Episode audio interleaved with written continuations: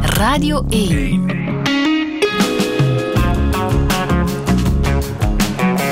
Douche. Met Friede Lesage. Touché met Selassou. Goedemorgen. Goedemorgen. Ik zou ook Sanne Putsijs kunnen zeggen, maar ik vermoed dat dan wat minder mensen zullen luisteren. zou dat kunnen? Ja, dat zou kunnen. Ik denk niet dat veel mensen mij inderdaad kennen onder de naam Sanne Putsijs. Ja. Minder, minder exotisch ook, hè? Dan De Selassou. belastingen misschien? Ja, ja, ja, nee, dat is Selassou, hoe dat ze ze kennen. Ah, ja, Oei, maar nu heb ik het verklapt. Maar hoe gaat het met jou? Het gaat goed. Ja? Het gaat echt heel goed. ja. Dat is iets waar. je op dit moment heel erg mee bezig bent. Hoe jij je voelt en hoe het gaat. Ja, weet je, ik heb altijd zo een spotlight op mezelf gezet van wa- wie ben ik, hoe voel ik mij, wat ben ik aan het doen, wat is de zin van het leven. Het heeft altijd al in mij gezeten, maar nu is het wel echt heel extreem. Ja. Ah, ik eh, stel elke zondag de vraag aan mijn gasten om zichzelf te omschrijven. Maar ik merk nu, bij jou is dat eigenlijk niet zo evident als ik die vraag stel. Want hoe zou jij je nu omschrijven vandaag? Vandaag, dat is, al, dat is al beter om het zo echt zo specifiek op het moment te, Ja. te pinnen. Ehm, ik ben, er zijn eigenschappen die ik altijd al heb of heb gehad. En dat is wel openhartig, standaard. Ehm, ook wel eh aard, denk ik. Maar vandaag toch ook wel rustig eigenlijk. Peaceful. Peaceful. ja. En als ik diezelfde vraag een half jaar geleden had gesteld? Ja, dat is echt eh, dat is straf. Dat is echt straf. Ehm, dan ehm, had ik ehm, waarschijnlijk ook die dingen opgenoemd, omdat dat echt zo vaste karakter, karaktereigenschappen waren. Maar wat ik nu voel, is dat ik drive heb, dat ik ambitie heb, dat ik echt zo goesting heb in het leven. En dat was zes maanden geleden niet het geval. Ja. Ja. Daarover heb je een plaat gemaakt, hè? Persona, die over een dikke maand uitkomt en waar we straks nog wel eh, uitgebreider gaan over praten. Maar ik kan mij ook voorstellen, je hebt eh, afgelopen week een try-out gedaan in eh, het depot in Leuven, waar het allemaal is begonnen trouwens. Ja. Dat je dan ook anders op het podium staat, denk ik. Ja. Als je zo bezig bent met ehm, de evolutie van je persoonlijkheid. Ja, het is, het is ongelooflijk. Ik voel echt dat ik op een kantelmoment in mijn leven sta. Ja? Het is echt heel, heel heavy. Ik heb twee kantelmomenten gehad op mijn 18, dat ik eh, antidepressiva begon te nemen, mij stabieler, beter evenwichtig voelde, plus moeder werd en mijn carrière een vaart nam. Dat was kantelmoment 1. Kantelmoment 2 is nu, zonder antidepressiva, nieuwe plaat uit, bijna nieuwe entourage, nieuwe energie, twee kleine kinderen, baf. Nieuw, ja, nieuw, nieuw periode in mijn leven wat Ja. er aankomt. Ehm, En hoe anders sta je dan op dat podium? maar gewoon gigantisch anders. Dat Ja? is, ik heb stress. Ik heb, Is het waar? Ja, ik, Ja. Heb, ik heb zin. Ik, heb, ik sta ook wel met de waanzinnigste muzikanten op podium. eh, Die, die en ambitieus en professioneel en tof zijn. Allee, wauw. Hoe- blessed ben ik. Ehm, maar ook, ja, ik voel de nummers. Ik voel weer waarom ik muziek wil maken en muziek wil delen. Mhm. En dat is een heel tof gevoel. Ja, maar geen schrik dat je daar misschien niet meer staat als de coole, zelfzekere Selassou. Ja, goede vraag. Tot nu toe omarm ik echt de stress. Ja? I love it. Ja. Echt waar. Zo wakker liggen in de nacht uit, uit excitement voor de show de dag erna. Of een beetje stress. Dat, dat was mij echt 14 jaar lang een beetje onbekend. Echt waar. Dus ik, ik omarm dat nu echt. Ik hoop dat dat mag blijven duren. Want ja, mijn, ik ben dan zo in de nacht excited. Zo, oh, morgen is een dag. En Joachim zegt vreselijk, ga je slapen? Ja, dat is toch echt super vermoeiend om wakker te liggen. Maar het is zo nieuw voor mij dat ik er echt van geniet. Ah, ja. ja. Nu, het depot in Leuven, dat is een beetje jouw thuishaven, hè, dat is thuisspelen. Maar straks l'Olympia in Parijs, dat is toch een eh, mythische zaal. Mhm. Pinkpop is bevestigd, dat zijn de grote kanonnen. Hè? Ja, en op een of andere manier geeft mij dat minder stress, omdat dat het, meest stresserende was echt letterlijk de depot, de try-out. Waarom? Vrienden zijn daar, familie is daar. Dat was de eerste. Ehm, dus als we die goed doorstaan hebben, wat we ook gedaan hebben, ben ik echt op mijn gemak voor al de rest. Je bent ook al jarenlang ambassadeur voor Te Gek, eh, de organisatie die mentale gezondheid bespreekbaar wil maken. Het is altijd evident geweest voor jou hè, om daar vrijuit over te spreken in interviews. Ja, eigenlijk wel. Eigenlijk wel. Omdat dat, dat is thuis ook wel wat meegegeven. Er was nooit echt een groot taboe rond eh, ja, psychiatrische moeilijkheden, dat, dat, dat is... Dat is gangbaar in onze familie. Mijn grootouders langs beide kanten. Ehm, dus ehm, ja, ik heb me daar ook nooit echt om geschaamd of zo. Dat ik me niet goed voelde. Of zelfs die antidepressiva. Ik vond dat heel... Maar ik merkte wel dat dat voor andere mensen wel echt zo'n... was, waar ik dan van verschoot. Ik dacht van, dat is toch normaal? We voelen ons toch allemaal soms eens slecht of hebben het moeilijk. Mhm.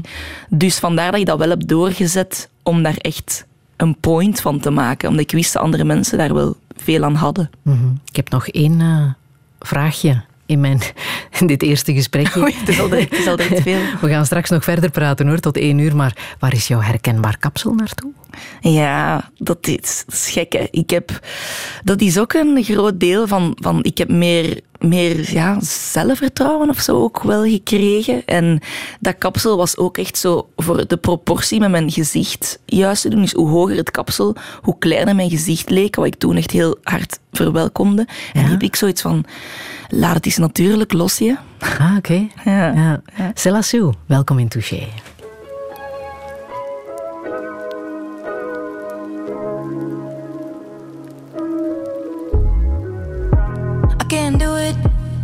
Can't feel a thing I'm numb. All I do is wait. Is there something wrong with me? Honestly, I don't get as high when I'm at a gate. And I can't go on like this. and I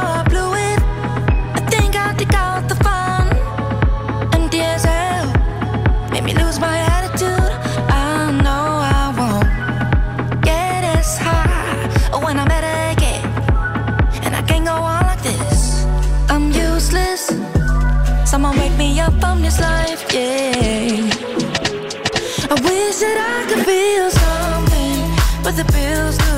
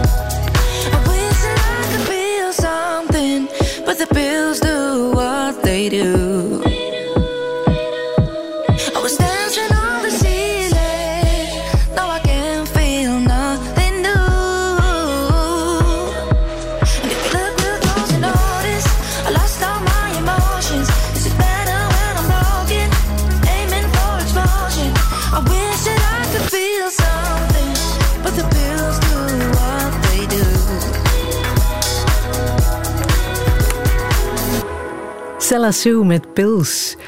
Het is eh, heel leuk om te zien hoe jij zelf naar je eigen nummer aan het luisteren bent. Serieus, hè? met een serieuze blik. Ja, toch een beetje kritisch voren. Ja, sowieso, sowieso. Dat zit erin. Dat gaat nooit meer weg? Dat gaat nooit meer weg. Nee, nee, nee. Dat gaat nooit meer weggaan. Ik kan wel zo... Uh, ik kan wel trots zijn, wel. Maar ik heb echt wel zoiets van eens dat het gemaakt is en de mix en de master is ready, dan is het voor mij zo alright, on to the next. Terwijl het dan pas eigenlijk een leven moet gaan leiden. Ja, dansen ehm, op je eigen nummer? Nee, bestaat niet. Nee. Nee. Alleen tijdens een concert natuurlijk. Ja, ja. voilà, voilà. Ja, Want dan zit ik er echt in. En dat is ook anders als je iets live brengt. Hè. Dan kun je dat ook echt tot leven brengen. Dit is eigenlijk zomaar een... Dat is moeilijk als artiest, ik weet dat. Zo van, je hebt iets gecreëerd en dat is, dat is dan geregistreerd en je kunt er niet meer aan. Ah, doet pijn. Terwijl live kan dat zo'n leven leiden. Met de jaren wordt dat beter en beter en beter. Terwijl dat die versie zal voor altijd deze zijn. Ja, en dat is dan nog maar het begin. Hè. Je hebt nog niet zoveel kunnen oefenen natuurlijk. Nee, nee. Staat het al meteen uh, definitief op plaat. Maar je hoeft uh, niet al te kritisch te zijn. Want gisteren, ik weet niet of je naar de radio aan het luisteren was. Maar, uh, Toevallig wel. je hebt Stromae met L'Enfer verslagen op nummer 1 in de Voxlijst. Dat is heel cool, hè? Ja?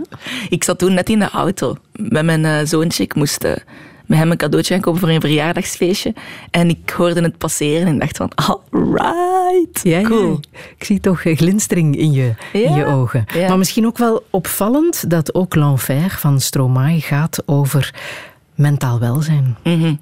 Wat wil dat zeggen voor jou? Dat jullie, zo'n belangrijke artiesten, allebei met datzelfde onderwerp begaan zijn? Ja, dat is ook, ook hoe dat hij het vooral ook gebracht heeft, vind ik echt meesterlijk. Hè. De gewoon opnieuw dat beginnen zingen, ho zeg, dat is mm -hmm. wel stoer, hè. dat is mm -hmm. wel uh, next level. Dus ja, we, we, kunnen niet meer genoeg zijn, denk ik, hè, om, het, uh, om het te doen. Um, ja, heel top. Veertien jaar lang heb jij antidepressiva genomen. En vorig jaar heb je beslist om daarmee te stoppen, om dat af te bouwen. Mhm. Mm -hmm. Wat was voor jou de reden om het af te bouwen? Oh, um, meerdere redenen. Vooral, ik was met de plaat bezig, eh, Voice Dialogue. Ik was mij aan het proberen in te leven in mijn verschillende persoonlijkheden, want elk nummer is vanuit een andere persoonlijkheid geschreven. En ik merkte als ik bij mijn uh, therapeuten zat en ik moest me echt gaan inleven, dat ik echt werd tegengehouden. Dat ik echt werd geblokkeerd om diep te gaan op een manier. Um, en dat zat mij echt in de weg. En ik, ik dacht ook voor de allereerste keer van, oké, okay, kijk, um, het is nu lockdown, er zijn geen verplichtingen, ik moet geen shows gaan spelen binnenkort. Let's give it another shot. Het is uiteindelijk, het is de vierde keer wel dat ik het probeerde. Hè. Mm -hmm. Maar het was de eerste keer dat ik uh, gezocht had naar alternatieven, dat ik het heel traag had afgebouwd en dat ik ook het heel bewust had afgebouwd. Zo elke dag opschrijven, hoe voel ik mij zo? Echt, het, ik voelde aan van oké, okay, dit, dit zal de laatste keer zijn dat ik het probeer. Als het nu niet lukt, gaat het mij nooit lukken. Dus uh, voilà, ik heb het geprobeerd. En wat je dan opschreef, wat, wat, welke evolutie merkte je daarin bij het afbouwen? Um, het, ging, het afbouwen ging uh, heel traag, maar ik heb het wel goed, zoals ik al heb gezegd kort in de media, ik had wel een alternatief met uh, psychedelica. Hè, dus microdosing met truffels, lage dosis van truffels. En dan had ik, ik vond dat dat heel mooi beschreven was op de site, om het de overgang te verzachten. Dat vond ik eigenlijk mm -hmm. heel mooi beschreven. Ja. Dat, dat, was zo, weet je, ik ben het al zo gewoon om van mijn 18 elke, ja, elke, elke dag twee pillen te slikken eigenlijk, hè, ja. dat ik het heel moeilijk zou vinden, gewoon puur al zo mentaal, om niks meer te slikken plots. Dat, dat, dat, dat is heel bizar om dat nu zo te zeggen. Maar dat was ook wel. Ik, ik had echt, ik moest een alternatief hebben. Um, het moest gewoon lukken deze keer. Ja. Ja. En dat alternatief heb je gevonden inderdaad in die psychedelische truffels, de magic mushrooms, zo zijn ze ook uh, gekend. Hoe, hoe, ben je daarop terechtgekomen? Puur uh, al surfend op het net, gewoon. Mm -hmm. Niet eens via iemand of zo. Um, ja, ik was... Ik, ik was er echt, zoals ik zei, heel bewust mee bezig. Oké, ik ga nu afbouwen. Misschien toch wat meer. Want ik was er eigenlijk daarvoor nooit voor. Voor al die natuurlijke... Ik dacht altijd van, nee man, geef mij eens de real deal met die antidepressiva. Want dat gaat bij mij niet pakken, zo wat, weet ik veel, kruiden of zo. Dat, dat gaat het voor mij niet doen. Dus ik was echt hard aan het opzoeken naar, wat is er, wat zou wel kunnen, wat is er wel... En ik had heel veel gelezen over die microdosing van, van uh, truffels. Ik had ook, heel belangrijk, net gehoord dat, dat het een uh, therapie was die net was goedgekeurd in Canada. Dat het, binnen, dat het ook onderzocht wordt aan Nederlandse universiteiten, vier Nederlandse universiteiten, en dat het binnen vier jaar ook een reguliere therapie zou worden. Dus al die, al die dingen die ik las, waren echt uh, dingen die mij echt ervan overtuigden. All right, let's give it a try. Je bent ervoor naar Nederland gegaan, hè? want ja. bij ons is het uh, illegaal. Mm. Wat zegt de wetenschap precies over, over deze therapie? Weet je dat? Um, het is nog niet bewezen dat het microdoseren van truffels werkt, dat is nog niet 100% bewezen. En wat bedoel je daarmee, het microdoseren? Microdoseren is eigenlijk één tiende van een macrodosis. Dus die macrodosis is bijvoorbeeld, ja, zoals veel mensen het kennen ook, het goedje. Hè, van uh, we gaan 15 gram truffels en we gaan, we gaan uh, kabouters zien en we gaan lachen en we gaan zweven en we gaan plezier hebben. Dat is hoe dat mensen het kennen. Het is daar één tiende van. Mhm. Het is eigenlijk een effect wat je niet voelt. Het is niet de bedoeling dat je ook maar op zijn minst zou hallucineren of het fysiek zou voelen, want dat is dan een teken dat je te veel neemt. Het is echt zo je sweet spot vinden naarmate de maanden of weken, je sweet mhm. spot. Um, het is de bedoeling dat het u een heel ja, it, it has to give you a good day of zo. Mhm. Meer focus, meer peace of mind, meer connectie zo. Ja. En neem je dan alleen maar een microdosis? Ik heb uh, drie weken lang microdosis gedaan. Dus dag wel, dag niet, dag niet, dag wel, dag niet, dag niet. Dagboekje bijgehouden, hoe voel ik mij? En dan na drie weken heb ik een macrodosis gepakt. De volle, volle dosis, ram, ram, ram, ingenomen. En echt... En waarom moest dat dan, die macrodosis? Omdat ik uh, via uh, de coach eigenlijk, hè, via, via Microdosing Instituut, had gehoord dat dat ook wel heel... Dat is eigenlijk het enige wat echt bewezen is. Dat dat aan neurogenese doet. Dus dat dat u eigenlijk uw hersenbanen kan aanmaken, die u anders ja, doen denken over, over de dingen. Bij mij is het altijd een gewoonte geweest om ja, negatief te denken, zelfs onder antidepressiva, voor alle duidelijkheid. Zo altijd zo toch een beetje zelfkritisch. Of mensen sturen niet terug. Oké, die zullen niet willen samenwerken met mij. Het liet aan mij. Tuurlijk wel, zie je wel. Ik val door de mand. Ik ben niet goed genoeg. Lalala. Zelfcriticus aan het stuur, vol een bak. Mhm. En die macrodosis zou eigenlijk zorgen voor neurogenese. Dat je toch dingen van op een andere afstandje bekijkt. Of, of um, de bigger picture echt leert zien ook. Mhm. Dat doe je onder begeleiding, hè? Ja, uh, voor alle duidelijkheid. En wat is voor jou dan het grote verschil tussen de antidepressiva en deze therapie? Ja, goh. ik heb het gevoel, ik ga echt niet negatief praten over antidepressiva. Voor alle duidelijkheid, het heeft mijn leven gered op mijn achttiende. Het was echt, op mijn achttien was het of ik maak er een einde aan of het moet snel beter gaan. En antidepressiva heeft er echt wel voor gezorgd ja, dat die scherpe hoekjes eraf gingen. Maar het, het doet niets, niets aan de kern van je probleem gewoon. Het, het is zoals, ik weet nog dat mijn psychiater het zo zei van, kijk, je hebt nu een gebroken been en we zetten daar een gips rond. Zodat je weer kunt gaan stappen. En aan een tijd halen we die gips eraf. En nu zit ik wel met dat idee van, wow, ik heb die gips er wel veertien jaar laten op, op zitten. Zo. Ja.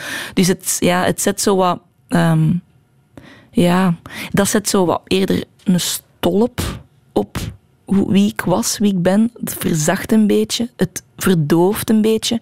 En ik heb het gevoel met de psychedelica dat ik echt aan de slag kan nu. Dat het genezend zou kunnen werken, is weet je, we zijn nog maar vier à vijf maanden verder. Hè. Het is mhm. wel de eerste keer dat ik het nu heb gekunnen om tot nul te geraken. En zelfs al vier, vijf maanden zonder antidepressiva. Dat is wel de eerste keer.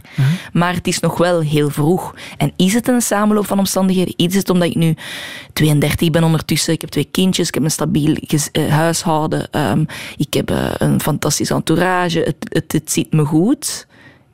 Of is het toch ook wel echt die mm psychedelics? Ja. Ja, ik, dat zal de tijd zal de tijd uitwijzen. uitwijzen. Ja. ja.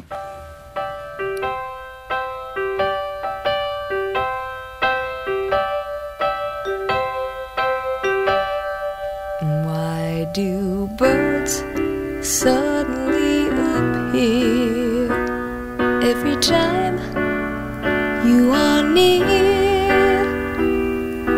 Just like me, they long to be close to you. Why do stars fall down from the sky every time?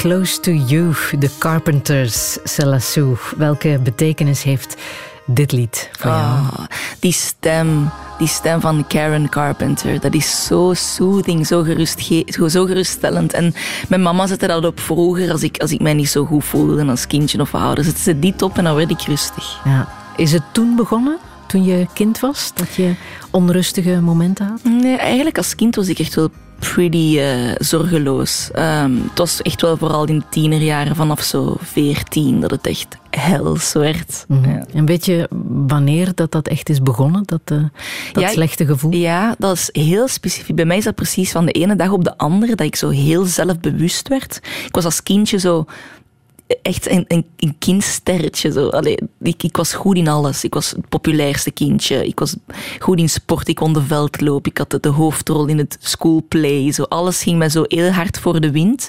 En dan werd ik zo veertien. Ik begon vormen te krijgen waar ik me niet goed bij voelde. Ik, voel, ik voelde mij direct al zo te dik. En ik, ik zag mij ook hoe dat ik praat. Ik vond mezelf ergerlijk irritant. Zo. Direct een innerlijke criticus die zegt zo, wloeps, op de bus gesprongen en eh, er niet meer afgegaan eigenlijk. Ja. De puberteit. Puberteit. Ja, jezelf ontdekken.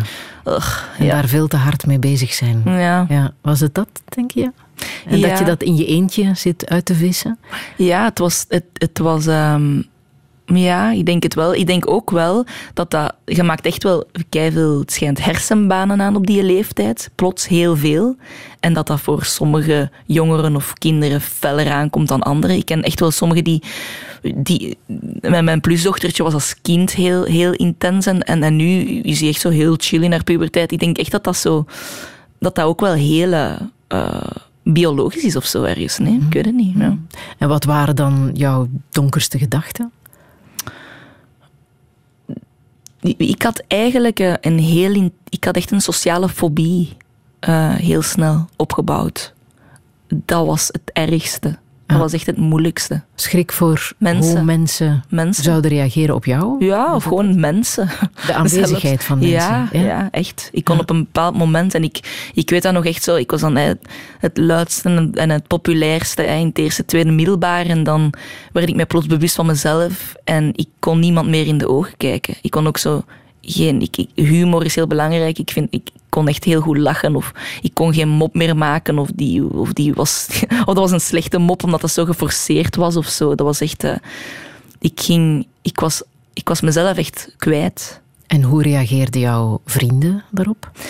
Ja, dat, die waren wel. Ik, omdat ik zelf nog zo zoekende was, ik was ook nog niet zo wijs genoeg om daar zoals nu over te reflecteren. Hè. Dat overkomt u maar. Als je zo jong bent, je kunt daar nog geen woorden aan geven. Dat is gewoon een hels gevoel waar je door moet. En je wilt toch maar, ook al ben ik er altijd open in geweest, je wilt toch, nobody loves a sad clown in, in groep. Dus je wilt die toch nog altijd maar forceren om erbij te horen. En, en ehm, ik had wel hele lieve, lieve vriendinnen, maar uiteindelijk moest ik het, moest ik het toch wel zelf doen. En uiteindelijk ehm, was ik toch het liefste gewoon thuis in, in mama's armen. Mhm. En kon je daar vertellen over jouw gevoel? Ja, toch wel. Man, als die er niet geweest was, ik zou het echt niet, ik zou het echt niet hebben geweten. Echt Ja. waar. Ja, ik vind het daarom ook zo heftig om echt zo jongeren die echt gevoel hebben dat ze nergens terecht kunnen, of die nu eigenlijk, die dan wel voor hulp durven vragen, maar dat, dat er gewoon geen hulp is door die wachtlijst, dat is verschrikkelijk. Hè. Dat, is, dat zit allemaal niet juist in elkaar nu. Hè. Ik, dacht, ja. En kan je zeggen op welke manier jouw moeder dat heeft opgevangen? Want dat is natuurlijk ook niet makkelijk hè? als moeder om te zien dat je dochter lijdt. Nee, nee. Heeft zij dat gedaan? Ja, zij heeft, er, ehm, zij heeft uiteindelijk gezegd van... Oké, Sanneke, ik weet het niet meer. Ik weet het niet meer. Dus we moeten echt eh, iemand, met iemand gaan praten. Want ik weet het niet goed meer wat ik nog kan zeggen of kan doen. En dan zijn wij, hebben wij heel snel eigenlijk eh, eh, een psycholoog gevonden. En later ook een psychiater, als het dan toch niet beter werd eigenlijk. Ehm, dus ik ben eigenlijk al wel in therapie vanaf mijn veertien. Dus I'm used to, to talk about myself eigenlijk. Ja. En de stap zetten naar eh, het slikken van antidepressiva, weet je dat nog? Want, Dat weet ik nog. ja? Ja, dat weet ik nog wel. Vond je dat moeilijk om dat te aanvaarden dat je dat nodig had? Nee, dat was een immense opluchting. Ja? Oh man. Ik weet nog heel goed dat dat dan gezegd werd bij mijn psychiater, maar ik ging daar eigenlijk wel al eh, vier jaar naartoe. En die had mij eigenlijk pas na vier jaar, omdat hij ook niet happig was op het feit van eigenlijk een jong meisje eh, medicatie te geven. Ehm, en ik weet nog dat hij zei van oké, ik denk echt dat het nu de moment is. En ik weet nog dat ik dat daarna tegen mama zei. We hebben samen wel geweend. Maar ik dacht ook wel van, oh my god. Hoe sneller, hoe liever. Schrijf het mij voor. En, want dan duurt het nog wat vijf, zes weken dat het begint in te werken. En we hadden geen tijd te verliezen eigenlijk. Ja, ja. Heb je dat gevoeld, dat het beter werd na vijf, zes weken? Ik heb dat echt gevoeld. Ja. Ik heb dat echt gevoeld. En dat was... Ja, dat was... Ik, ik, ik weet nog dat ik zo... eh, plots in de ochtend de vogeltjes hoorde fluiten. En dat ik dat al jarenlang niet had gehoord, omdat ik zo in gedachten verstrikt zat, dat ik me totaal niet meer bewust was van... En nu was er zo... Ik, wa- ik was even rustiger en ik, ik, ik hoorde de vogeltjes terug en dacht, ah, ah, daar zijn ze. Zo, eh, ja, ja. Ja, ja. ja. Ehm, je zegt, ik kom heel erg terecht bij, eh, bij mijn moeder. Hoe zat de relatie met jouw vader op dat moment? Mijn papa ook wel goed. eh. Ehm, die, mijn papa is geen prater. Totaal geen prater. Ehm, Hij had ook wel zijn eigen zorgen. ja, mijn papa heeft ook multiple sclerose. Dus die al, ook al van zijn 28. Ehm, dus ik denk dat die, dat is heftig ook geweest, want dat was een sportman en dat was de trainer van mijn broer. En dat was, eh, dus hij heeft echt wel zoiets van, dit is wel veel om ook nog bij te nemen, wat ik ook begrijp. Maar hij heeft nooit een oordeel geveld. Hij heeft nooit gezegd van, zeg Sanneke, eh, het is genoeg nu. Hè. Nee, hij, heeft, hij, was gewoon de stille aanwezigheid, liefdevolle aanwezigheid. En mama was de outreacher. Zo. Dus, Ja, ja. Heeft het invloed gehad eh, op jou, denk je? Dat het sowieso ja, moeilijk was, denk ik. Hè? Zoveel problemen in één huisgezin, onder één dak. Ehm, invloed op wie ik nu ben, denk je? Of, of hoe het is gelopen. Mm. Misschien net in positieve zin dat er wel werd gepraat bij jullie, door je moeder. Ja, ja. Ja, ik denk het ook wel. Want pas op, ik was niet de enige die erdoor ging. Mijn zus en mijn broer hebben ook echt wel heavy. Het zit echt wel... It In de runs. familie. Ja, ja, ja. Heb je er een zeker. verklaring voor? Hoe het... Ja, weet je, ik heb altijd gedacht dat het echt wel heel genetisch was. En dat geloof ik ook wel. Ik geloof dat trauma overerfbaar is. Dat is ook net bewezen, denk ik zelfs. Ehm, ehm, ik geloof echt dat, dat je er toch wel een, een zekere gevoeligheid aan kunt hebben. Aan, aan meer angsten of depressie. Ik ken mijn vriend bijvoorbeeld, die is er totaal niet gevoelig aan. Die is ook gepest geweest, een momentje in de lagere school in het vijfde leerjaar. En die draagt daar nu niks van mee. Die, die is gewoon zelfzeker. Terwijl dat voor mij of voor mijn broer eh, gewoon alles bepaald heeft voor later. Dus sommige mensen zijn gevoeliger aan trauma. En ik zie dat ook bij mijn grootouders. Dat dat, dat, dat echt heel, heel aanwezig is. Ja. Nothing can be done against the truth, no matter how we remain in denial. Yeah. Wasting time, replacing time with each empty excuse. With that'll only work a little while. Coping with despair, knowing you're not there. Ashamed to just admit I've been a fool. So I blame it on the sun, run away from everyone, hoping to escape this ridicule. Trapped in misery, wrapped so miserably in this deception that I'm wearing like a skin. Dying to maintain, oh, I keep trying to explain a heart that never loved me to begin. Oh, I'm such a mess. I have no choice but to confess that I've been desperately trying to belong. Lying to myself and everybody else. Refusing to admit my right was wrong. And then he came.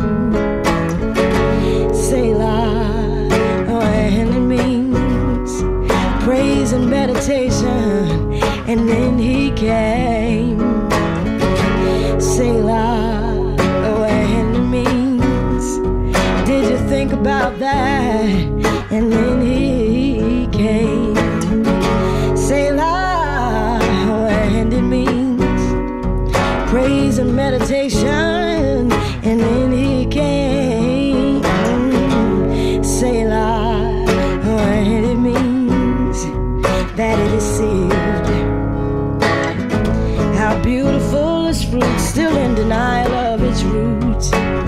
My guilty heart behaves so foolishly.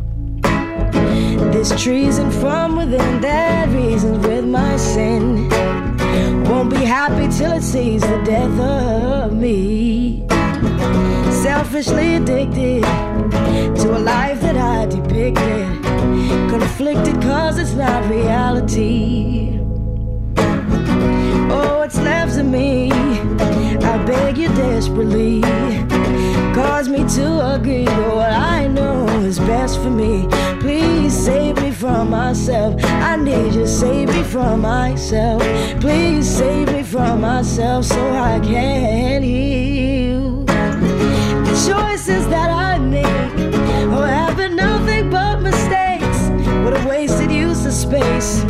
Should I die before I wake? In all of my religion, uh, I've obligated to obey the demands of bad decision. Please save me from myself. I need you to save me from myself. Please save me from myself so I can heal. And then he came. Cella Sue, ik beken, ik heb ingegrepen in jouw muziekkeuze. Je had eigenlijk een ander nummer van eh, Lauren Hill gevraagd, hè? Mr. Intentional. Maar toen las ik dit, dat dit nummer, Cela, natuurlijk wel een grote betekenis voor jou heeft. Ja, het is- wijs om in te grijpen. Ik vond heel die plaat, beken ik, zo heb ik gitaar leren spelen. En dit nummer inderdaad, ehm, daarvan komt de naam Sela. Ach, Lauren Ja. Hill, wat een queen. Wat een queen is die Lauren Hill toch. Jesus. En als je naar de stem luistert, dan ja, hoor ik daar ook wel Cella Sue in. Ja, cool. Ja. Dat is tof. Heeft zij het voorbeeld gegeven? Zij heeft echt het voorbeeld gegeven. Ja, ja. Ik herinner mij echt dat ik die plaat, hè, waar Cella dan ook op staat, ehm, die MTV Unplugged plaat, ehm, dat ik die zag als ik in de, in de zetel zat, als ik, ik weet niet, 17 was of zo, 16. En ik zag haar spelen hè, met haar gitaar en, en ik dacht echt, wauw, ik wil ook, ik wil dit ook kunnen. En Sue, waar is Sue dan uitgekomen? Ja, het was eigenlijk of Cella Blue of Cella Sue. Ik ben zo blij dat, het Cella Sue is. Sue is, geworden. Dat was gewoon, Ja. ik zocht iets wat er goed bij, bij hoorde en ik had mijn zus laten kiezen en die zei, pak maar Sue. Ja. Maar naar haar voorbeeld heb je een gitaar gepakt en ben je zelf beginnen spelen Ja, en zingen. Ja, ja. Ja. dus ik had echt zo die vingergrepen gekeken. Hoe zet zij haar vingers en op die manier echt ja, akkoorden geleerd eigenlijk. Ja, hè. Ja. helemaal autodidact. Mhm. Ja. En dan ehm, ontmoet je op een bepaald moment Milo, Mhm. die dat talent ziet. Maar hoe erg was jij toen bezig met ja, muzikant te worden, met daar een toekomst van te maken? Ja, helemaal niet. Totaal niet. Nee. ehm, Vond je het dan vreemd dat zo'n goede muzikant tegen jou zegt: doe daar eens iets mee? Ehm, ja, ja, ik vond dat, dat was wel heel welkom. Zeker om zo een persoonlijkheid als Jonathan in uw leven dan plots te hebben. Iemand die echt wel weet wat hij wil, die zeker is, die kan leiden, die kan zeggen... eh, ja, die mij echt zo mee op zijn tripje nam. Dat had ik wel nodig, want ik was de complete volger. En zo compleet eigenlijk, ja, geen mening. Ik wist van niks. Ik wist niet wat... wat, wat- Maar was dat zo? Want daarvoor waren er nogal wel mensen geweest die tegen jou hadden gezegd: je hebt talent. Ja, dat is waar. Je hebt gelijk. Nee, ja, ja, nee, nee, je hebt gelijk. Ik denk ergens altijd heel diep, als ik voel dat iets echt niet goed zit. Zoals dan, ik kon dan tekenen bij Universal twee jaar daarvoor of zo, denk ik. Want die hadden mij dan bezig gehoord op popstage. En ik had er, Ja. zo, het gaat way back eigenlijk. Hè. Dorp waar ik eigenlijk voor had ingeschreven voor gitaar beter te kunnen, maar er was geen plaats meer, dus ik had zang gepakt. En eh, ik kon dan tekenen bij Universal, maar dat was zo een, ja, een, een kerel die dan achter in een bureau zit en zei van, jij, jij wordt de volgende ster. Jij moet, ik heb een idee. Als je nu een keer is, dat nummer covert en daarmee begint. Dat was echt zo. En ik dacht van, ai. Maar je wist ai. toen al: nee, dit, dit ga ik niet doen, dit wil ik niet. Dit wil ik niet. Ah, Nee, Ja. nee. En wat Milo zei, dat zat wel. Dat Goed. zat, dat zat goed. Ik Ja. had wel gedacht van, ai, nu moet ik meer nummers gaan schrijven. Heb ik daar wel zo de energie slash zin voor? Omdat ik me toen ook wel echt zeker niet oké voelde, eh, mentaal. Maar ehm, ja, ik wou hem ook niet teleurstellen zo. Dus dat was ook wel een hele goede drive. wat wist jij over die muzikantenwereld? Van niks. Over contracten en managers en PR. No idea. Dus ik, ik ging echt, Milo, voilà, manager, dubbel punt, wat doet die? Die zorgt dat. Boeker, was, wat, wat, wie zijn dat? Wat doen die? Ik wist Ja. van niks. Ja. Maar het ging dan wel heel erg snel. Ja. Ehm, het was duidelijk dat er wel een volgende ster in zat, hè, in Celasso. ja, en ik zeg het, dat was echt wel een kantelmoment in mijn leven. Ook omdat ik dan plusmoeder werd. Ja? Kebang, ja, ja. En ik heb daar ook nooit zo eh, luid over gepraat ook, omdat de meisjes toen nog echt kindjes waren. En ik wist ook niet... Ik weet als ik nu over hen praat, dat ze dat zelfs een beetje leuk vinden. Dus nu kan ik dat wel doen.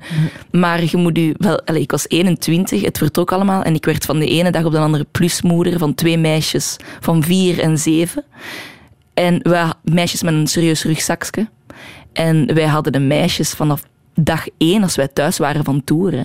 Dag één. Dus ik moest echt, dat was echt zo van het podium komen en ja, een beetje gepraised worden, naar thuis komen en twee meisjes proberen voor mij te winnen en beginnen koken. En, en, en dat was wel... eh, dat was een heftige periode, hè. Ja, was je daar meer mee bezig dan met jouw muzikale carrière? 100 procent. Ja, Ja. want succes heeft jou nooit echt... Nee. eh, Nee, is nooit, ehm, Dat ja, wat- ben je dat- nooit van onder de indruk geweest. nee, nee, nee, Ah, nee, nee. Zelfs niet van Prince, hè? Nee. Het bekende verhaal. Ik, ik ben nu wel zo oprecht aan het denken. Hè, dat was, als ik antidepressiva nam, zou me dan nu toch iets meer raken? Ik denk het wel. Wel Want een beetje meer. Je had zijn voorprogramma gespeeld. Hij was heel erg onder de indruk. Stond Mm. te kijken tussen het gordijn. Wou eh, zijn diensten aanbieden voor jouw debuutplaat. En Stella Sue zei... nee, Nee, nee. ik ben meu. Ik ben leeg. Ehm, ja, nee, dat was gewoon niet het juiste moment. Ik heb er ook geen spijt van, want dat was gewoon niet het juiste moment. Ehm, ja, Maar je vraagt je nu wel af... Wat zou ik nu gedaan hebben als Ja. ik geen medicatie had ja. geslikt? Omdat dingen toch feller binnenkomen nu. Echt waar. Dingen komen feller binnen. Ah. Ik, ben, ik, zie, ik zie meer de waarde in van dingen. Ehm, ik ben emotioneler. Ik denk dat het mij... Ik ken nu ook de waarde van Prins, terwijl toen kende ik dat eigenlijk ook niet. Ik denk dat het mij nu toch wel... Ik denk dat ik nu misschien toch wel eens de vlucht zou maken naar daar. eh, om ermee samen te schrijven. dat was ook te ver, hè? Even ja, dat was, dat was even te ver. Sorry. Hey, Ja. nee. En naar zijn concert gaan kijken al helemaal. Ja, dat was heel grappig. Ik was toen ik was verliefd, dus, ik, en, en, eh, dus, en die deed dan een show. Mijn, mijn vriend deed dan een show en dat was in het stuk. En daar zat geen kat. Dus ik was echt zo prins verlaten om dan zo als enige in het stuk naar zo absurde jazz, wat niemand snapte, te gaan kijken. Maar toch, het heeft jou misschien... Eh, ik, het is nog altijd mijn man. Ah, voilà. Hupsakee. Ja. Ja. Je hebt wel aangevoeld wat echt belangrijk was op dat moment Ja. voor jou. Ja. Ja. Maar ehm, wat je zegt, hè, dat je nooit echt onder de indruk bent geweest van succes of mensen die jou echt op een piedestal zetten. Mia's, Ebba's, ze zijn allemaal gepasseerd. Maar je bent meer ehm, aangegrepen door erkenning van iemand als Marcus Miller dan zoveel prijzen op, eh, op de schouw. Ja, omdat dat voor mij iets heel intern... Ik, ik heb echt wel zo'n... Puur, ik besef dat al die... De prijzen, dat is allemaal heel fijn, maar ik besef dat dat heel vluchtig is. Ik, ik besef echt dat succes... It comes and goes. Ik bedoel, ik ben vijf... Nu is dat leuk. Hè. Nu, nu wordt mijn ego gevoed. Hè. Het gaat goed wel. Hè. Ik ben vijf jaar niet in de picture geweest en dat kon ik ook wel aan. Ze. Die, Dus dat is allemaal relatief. Maar Marcus Miller was speciaal omdat ik toch altijd wel met de schrik zit dat ik, met, dat ik die zwarte cultuur heb toegeëigend. En dat ik ehm, ja, op een manier toch ehm, ja, gebruik maak van wat zij hebben gecreëerd en zij daar eigenlijk niet echt voor. Dan heb je het over de soulstem. Ja, ja, ja. Ik, ik, ik sta echt op de, op de schouders van, van ja, black music. Lauryn Hill, Erykah Badu, eh, Damian Marley. Dat, dat- ik sta op die shoulders. Ja. En, en ik voelde mij dan ook wel eh, schuldig ergens. En ik voelde, als ik met Marcus Miller op tour ging, zeker zo die, die, die grote jazz cruise, dat was compleet decadentie ten top. Dus dat, is- dat was dan op een boot en daar zaten dan eh, black, black music lovers en black people zaten daar dan. En ik weet dat ik opkwam en ik deed dan een nummer van Aretha Franklin of eh Billie Holiday. En Serra, Serra heb je met hem ja, opgenomen. ja, hè? ja. En ik zag echt zo vertwijfeling in hun ogen. En de dag daarna bij het ontbijt kreeg ik zo'n staande ovatie. En dat heeft mij echt van meus geraakt. Ah, ja. ah, ah. Ik dacht van, oké, misschien mag het toch, of Ja. zo. Ja. Nu, je stond zo erg in eh, de picture dat ehm, in het programma Tegen de Sterren op Mhm. je ook eh, werd gebruikt om eh, te imiteren. hè? Gebruikt. Geïnspireerd, ik zal het zo zeggen. En dat klonk toen zo.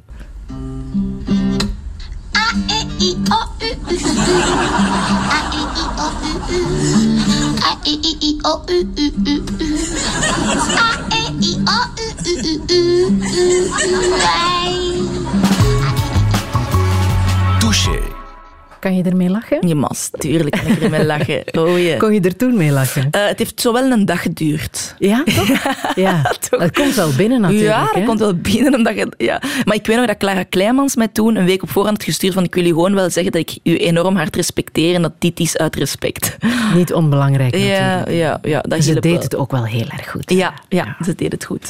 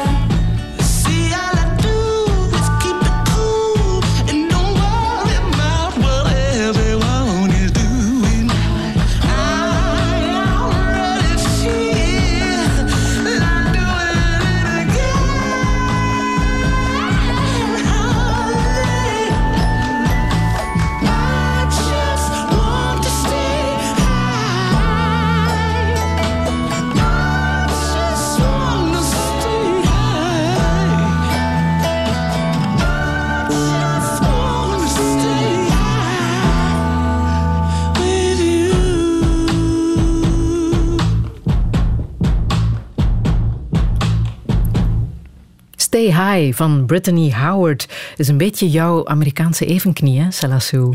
Mag ik dat zeggen? Dat mag. Het is weer die stem, hè? Echt? Heel ja. herkenbaar. Ja. Ja, ik vind dat, dat is die, die, die, die ademmuziek, dat is zo'n sterke, coole, getalenteerde vrouw. Die, heel die plaat is gewoon echt eh, een feest. En ik ben echt zelden verknocht aan platen. En die plaat eh, heb ik echt wel eh, grijs gedraaid. Ja. Mag ik zeggen dat jij zeer auditief bent ingesteld, meer dan visueel? 100 procent. Ja? Ja, ja, ja. Ik heb zelfs een beetje een visueel probleem, zou ik zelf durven zeggen. Hoezo? Ja, dat is raar, maar ik, zo, ik, ik heb geen oriëntatie. Precies dat ik elke dag op een nieuwe plek kom, terwijl ik daar al honderd keer ben geweest. Kerstboom staat in huis, die is weg, ik heb het niet gezien. Ehm, ja, dat is echt... Ik, dat is heel bizar. Gezichten onmogelijk te herkennen. Dus mensen denken, oh, die is arrogant, ze herkent mij niet. Het ligt echt niet. Het ligt echt niet aan arrogantie. Het ligt puur aan, aan mijn eigen zwakheid van visueel dingen niet te kunnen opnemen. Dat is heel bizar. Ja. En als jij kunst kijkt bijvoorbeeld, zie je dat dan? Raakt jou dat? Mm, Ja, soms wel. Als het, soms wel. Maar ik moet, wel, ik moet me wel concentreren. En dan kan het mij wel raken. Ik was eh, een paar jaar terug naar, eh, naar Rinus gaan kijken, Rinus van der Velde. En ik vond dat, dat heeft mij echt heel hard geraakt. Maar dan nog ben ik meer geïnteresseerd in, in de kunstenaar zelf dan de kunst wat hij maakt. Ik wil dan zo direct gaan opzoeken. Wie is dat? En, en, en dat vind ik dan ook echt super boeiend. En wie is dat? Hij heeft een tweeling. Dat is dan hetgeen Ik, wat jij op een of andere manier vind ik dat echt super interessant om te weten of dat mensen kinderen hebben. Ik weet niet hoe dat, dat komt. Niet dat ik daar dan connectie mee voel, maar ja, ja. Ja, dat is raar. Dat is, dat is- ik vind Wat heb jij met meerlingen, tweelingen? Ik weet het, dat is echt een keiraar. Als er iets is wat ik graag zie op programma's, dat is echt zo... Ja, is het zo ehm, programma's van mensen die zo veel te veel kinderen hebben en zo in chaos leven. Ik kijk daar enorm graag naar op tv. Ik weet niet waarom.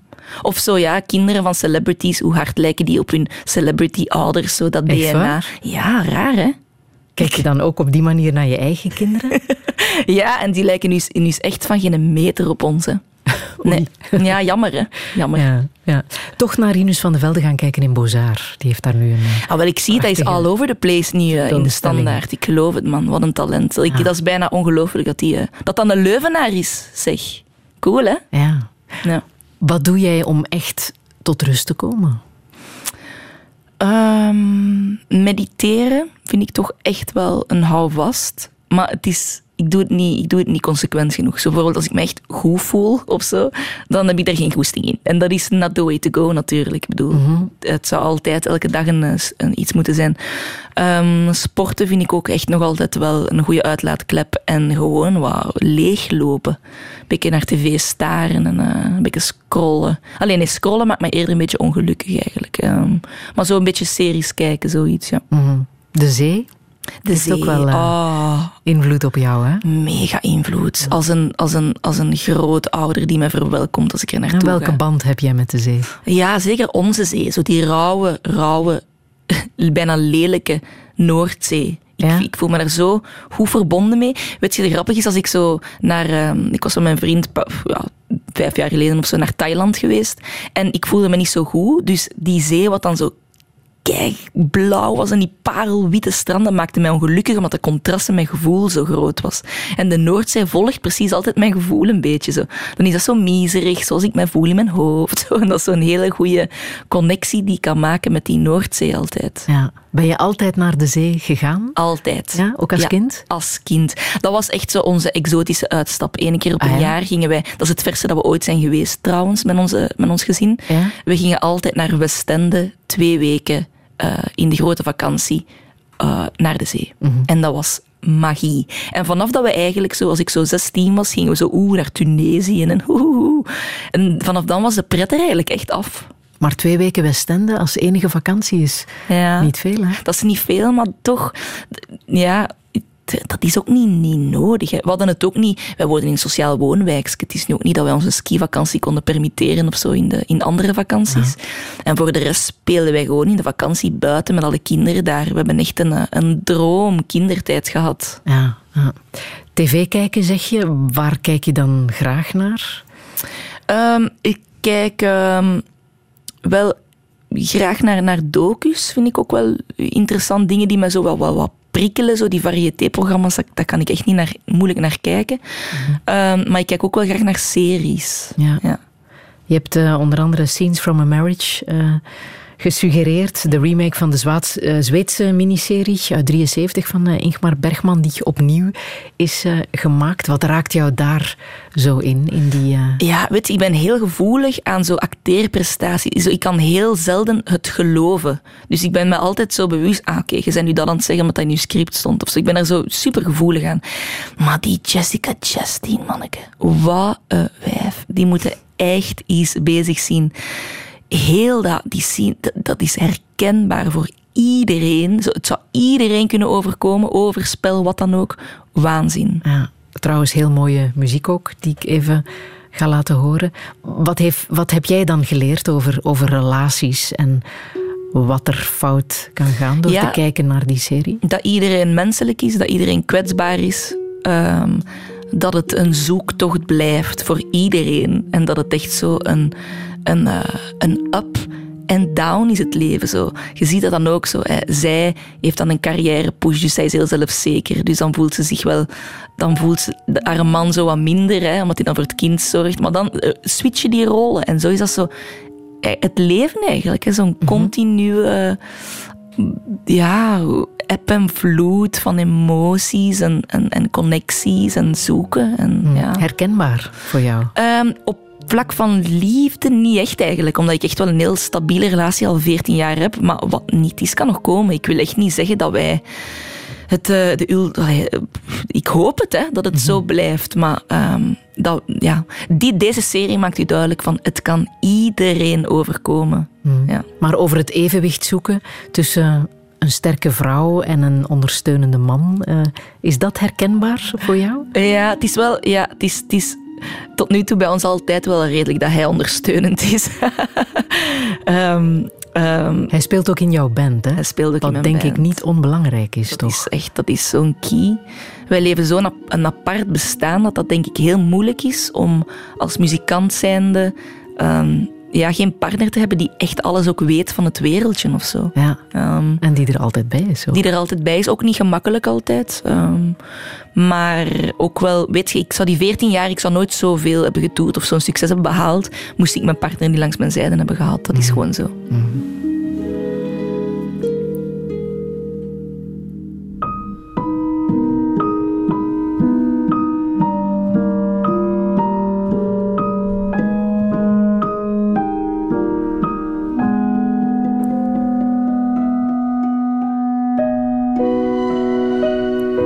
Scenes from a Marriage, een aanrader, nu nog te zien op eh, Netflix. Zometeen praat ik verder met Sella Sue. Radio 1.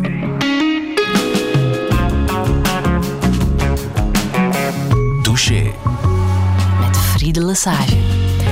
Touché met muzikante Sella Sue. Ze omschrijft zichzelf als openhartig, aards en eeuwig op zoek naar verlichting. Veertien jaar lang vertrouwde ze op antidepressiva om zich goed te voelen. Maar nu probeert ze het zonder. Een therapie met psychedelische truffels moet de overgang verzachten. Wie is Sanne Putsijs echt en hoeveel van haar persoonlijkheid werd bepaald door medicatie? Zal ze ooit helemaal pillenvrij door het leven kunnen? En word je stabieler met ouder worden? Dit is Touché met Salassou. Een goede middag.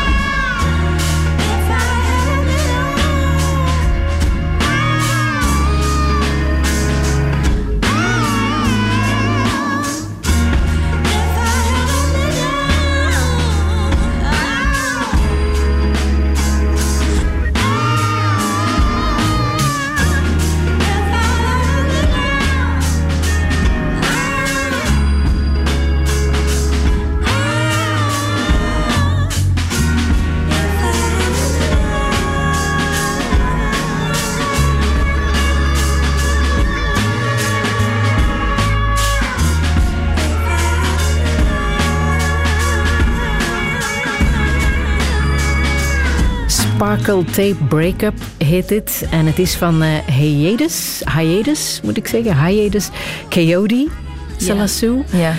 Straffe muziekkeuze, ik had niks anders verwacht natuurlijk. Mhm, ja. Wat betekent dit voor jou? Ja, ik vind, eh, ik vind haar en heel die band eigenlijk, ja, dat is echt zo, dat zijn zo goals eigenlijk. Ja. Ik vind dat echt het, eh, het, eh, het toppunt van muzikaliteit. Zo. Dat, heeft, dat heeft en soul en, en, en jazz en diepgang en speelsheid. En, en ik vind echt dat die muziek omvat. Ik kan er niet altijd naar luisteren, omdat ik het wel heel intens vind. Zo. Dus het is niet zo, ah, ik zet dat gewoon eens op als ik aan het koken ben of zo. Nee, het is echt wel concentratie, omdat het ook niet echt altijd heel gemakkelijke muziek is. Maar eh, het is wel, ik, ik heb enorm veel respect voor, eh, voor die band. Ja. Ja. Je hebt een eh, neus voor goede muzikanten, maar als het recht op aankomt, heb je een grotere bewondering voor mensen die iets goed doen in de maatschappij. Hè? Ja, Daar gaat je echte respect naar uit. Ja, eigenlijk wel. Omdat talent is, is ja, dat it's despite you. Je, wordt daarmee geboren of zo. Dus in hoeverre kun je echt iemand respecteren voor een talent? Wat, allee, ik, ik wil het nu niet helemaal neerhalen of zo. Hè. Maar ja, ik heb, ik heb echt respect voor mensen die echt actief goed willen doen in de wereld. Zo. En aan wie denk je dan? Ja, je hebt er eigenlijk heel veel. Hè. Je hebt er echt superveel. Ik heb echt wel een, een fameus boontje voor Angelina Jolie.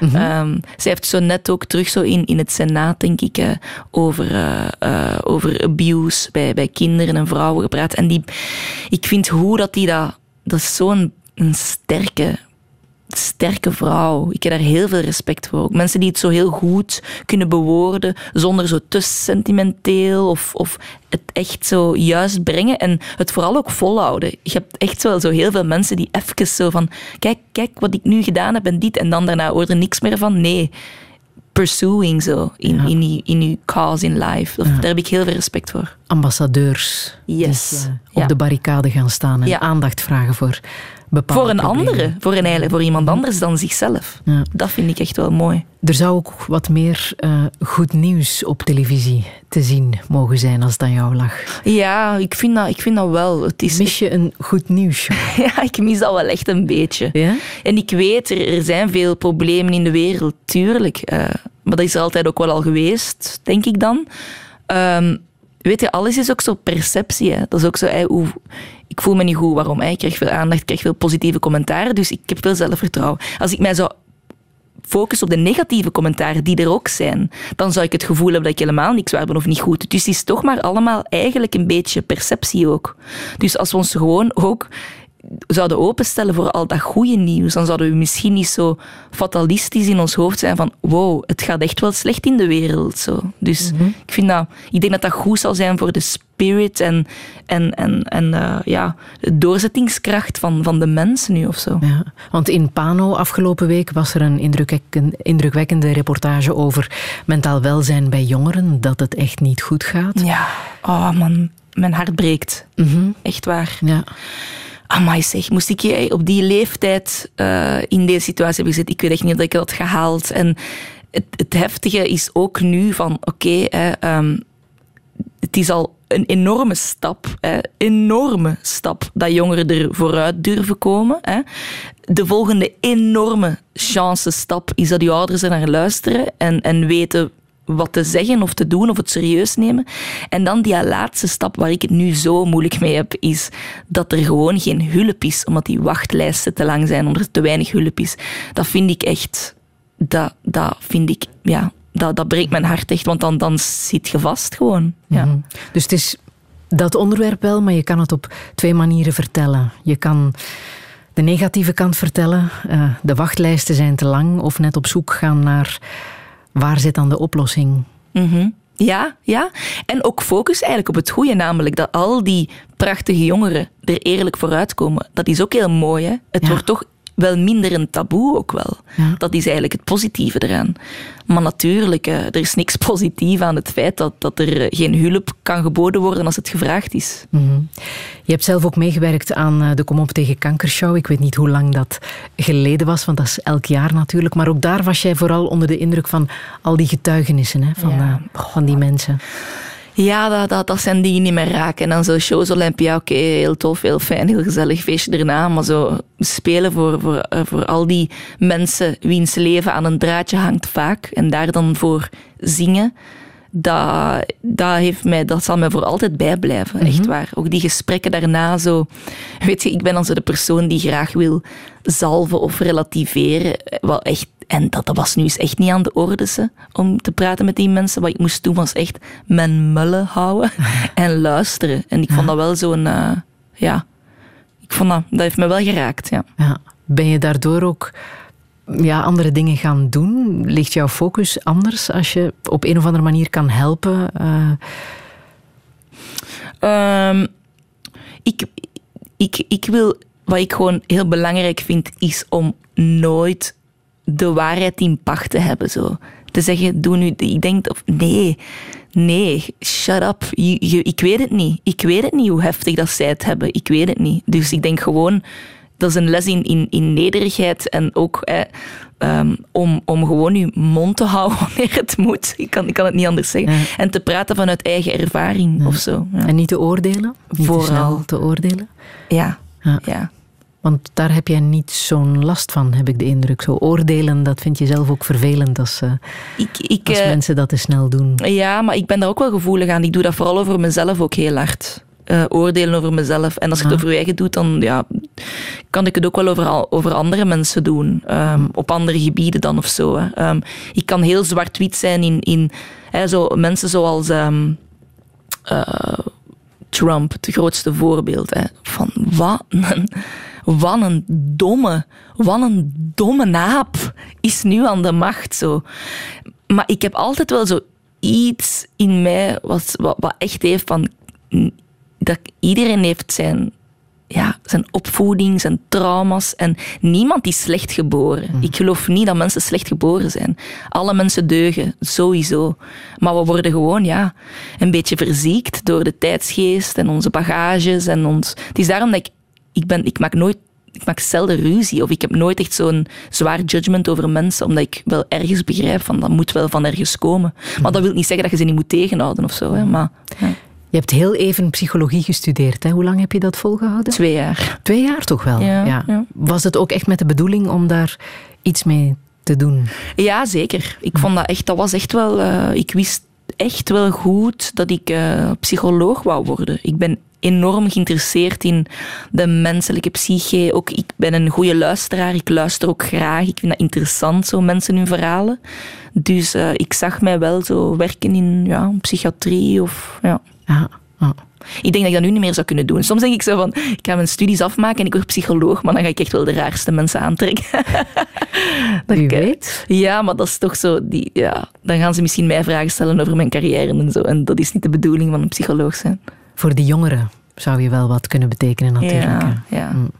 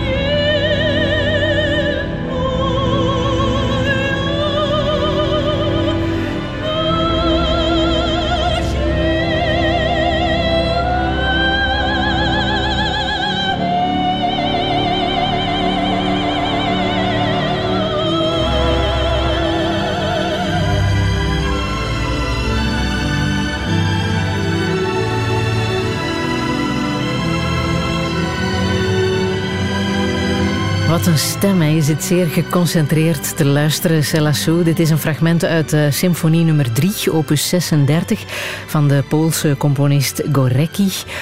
Welke betekenis heeft deze muziek voor jou? Waaraan doet het jou denken? Man, dat is, dat is zo tijdloos, dit. Dat is zo tijdloos. Dat is... ehm, ik, ik, eh, ik voel... Ik, oh, ik voel... eh, een alles overheersende kracht. Ik, ik durf het niet uit te spreken, maar ik voel echt God als ik deze muziek hoor. Echt waar. Ehm, dat is wat ik ehm, op had gezet tijdens die, eh, die maxi-trip. eh, van die hoge dosis truffels die ik had genomen. En ehm, ja, dat was eh, toen dat ik precies inhaakte op een bewustzijn buiten mezelf. Ik, ik was aan het schreeuwen, aan het wenen van pijn en liefde en verdriet, alles samen. En Dat is wat er gebeurt als je die trip neemt. ja, bij mij wel. Bij mij wel. Iedereen heeft een andere trip, hè, dus je kunt je trip niet kiezen. Hè. Ehm, het laat u zien wat je moet zien eigenlijk op dat moment. Het schijnt. Ah. Ehm, en eh, dit was een muziek die mij... Ik had echt het gevoel dat... dat die alles overheersende kracht, noem het kosmos, noem het God, mij echt geruststelde. Via deze muziek. Mhm. Ja. En hoe zag jij of voelde jij dat dan, die aanwezigheid van iets als een god? Ja, dat is echt bijna onmogelijk om, om uit te leggen. Ehm, dat is gevoel, ik voelde mij gedragen. Ik voelde mij gesteund. Een heel diep gevoel van gedragen te worden. Zo. Een, een ouder die iedereen zijn ouder is. Die lief is en zacht voor iedereen. Die, die zegt dat iedereen evenwaardig is. En ik, moest dan, ik, ik was dan ook aan, aan het wenen, omdat ik ook echt het verdriet voelde van de wereld, wat er ook echt is en hoe verschrikkelijk het is dat er mensen worden uitgesloten in onze maatschappij. Mensen die aan de rand van de maatschappij leven, die echt zo niet worden geaccepteerd. Ik voelde dat voor de eerste keer zo levendig.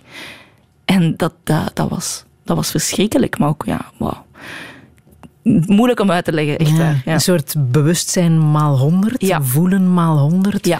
Tot in het diepste van je, Tot in het van je vezels. diepste van uw vezels. En ook het ook van op een afstandje ook daardoor bekijken. Hè, van, Want hoe zie jij jezelf dan als dat gebeurt? je ziet u niet als ik, dus je hebt geen ego meer. Dat is egoverlies. Dus ik keek in de spiegel en ik zag iemand of iets, maar daar was geen identiteit mee aan te koppelen.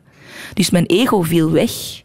Dat, dat, dat is onbeschrijfelijk. Dat is eigenlijk, denk ik, even verlicht zijn. Hè? Dat is eh, met mijn eeuwig doel in het leven, maar dat is onhaalbaar omdat ik daar hard naar snak. Dus dan verlies het al. Maar dat, ik kon dat bereiken omdat ik, ehm, ik was compleet in sync met iedereen. Met de natuur, met iedereen. Eh, ja.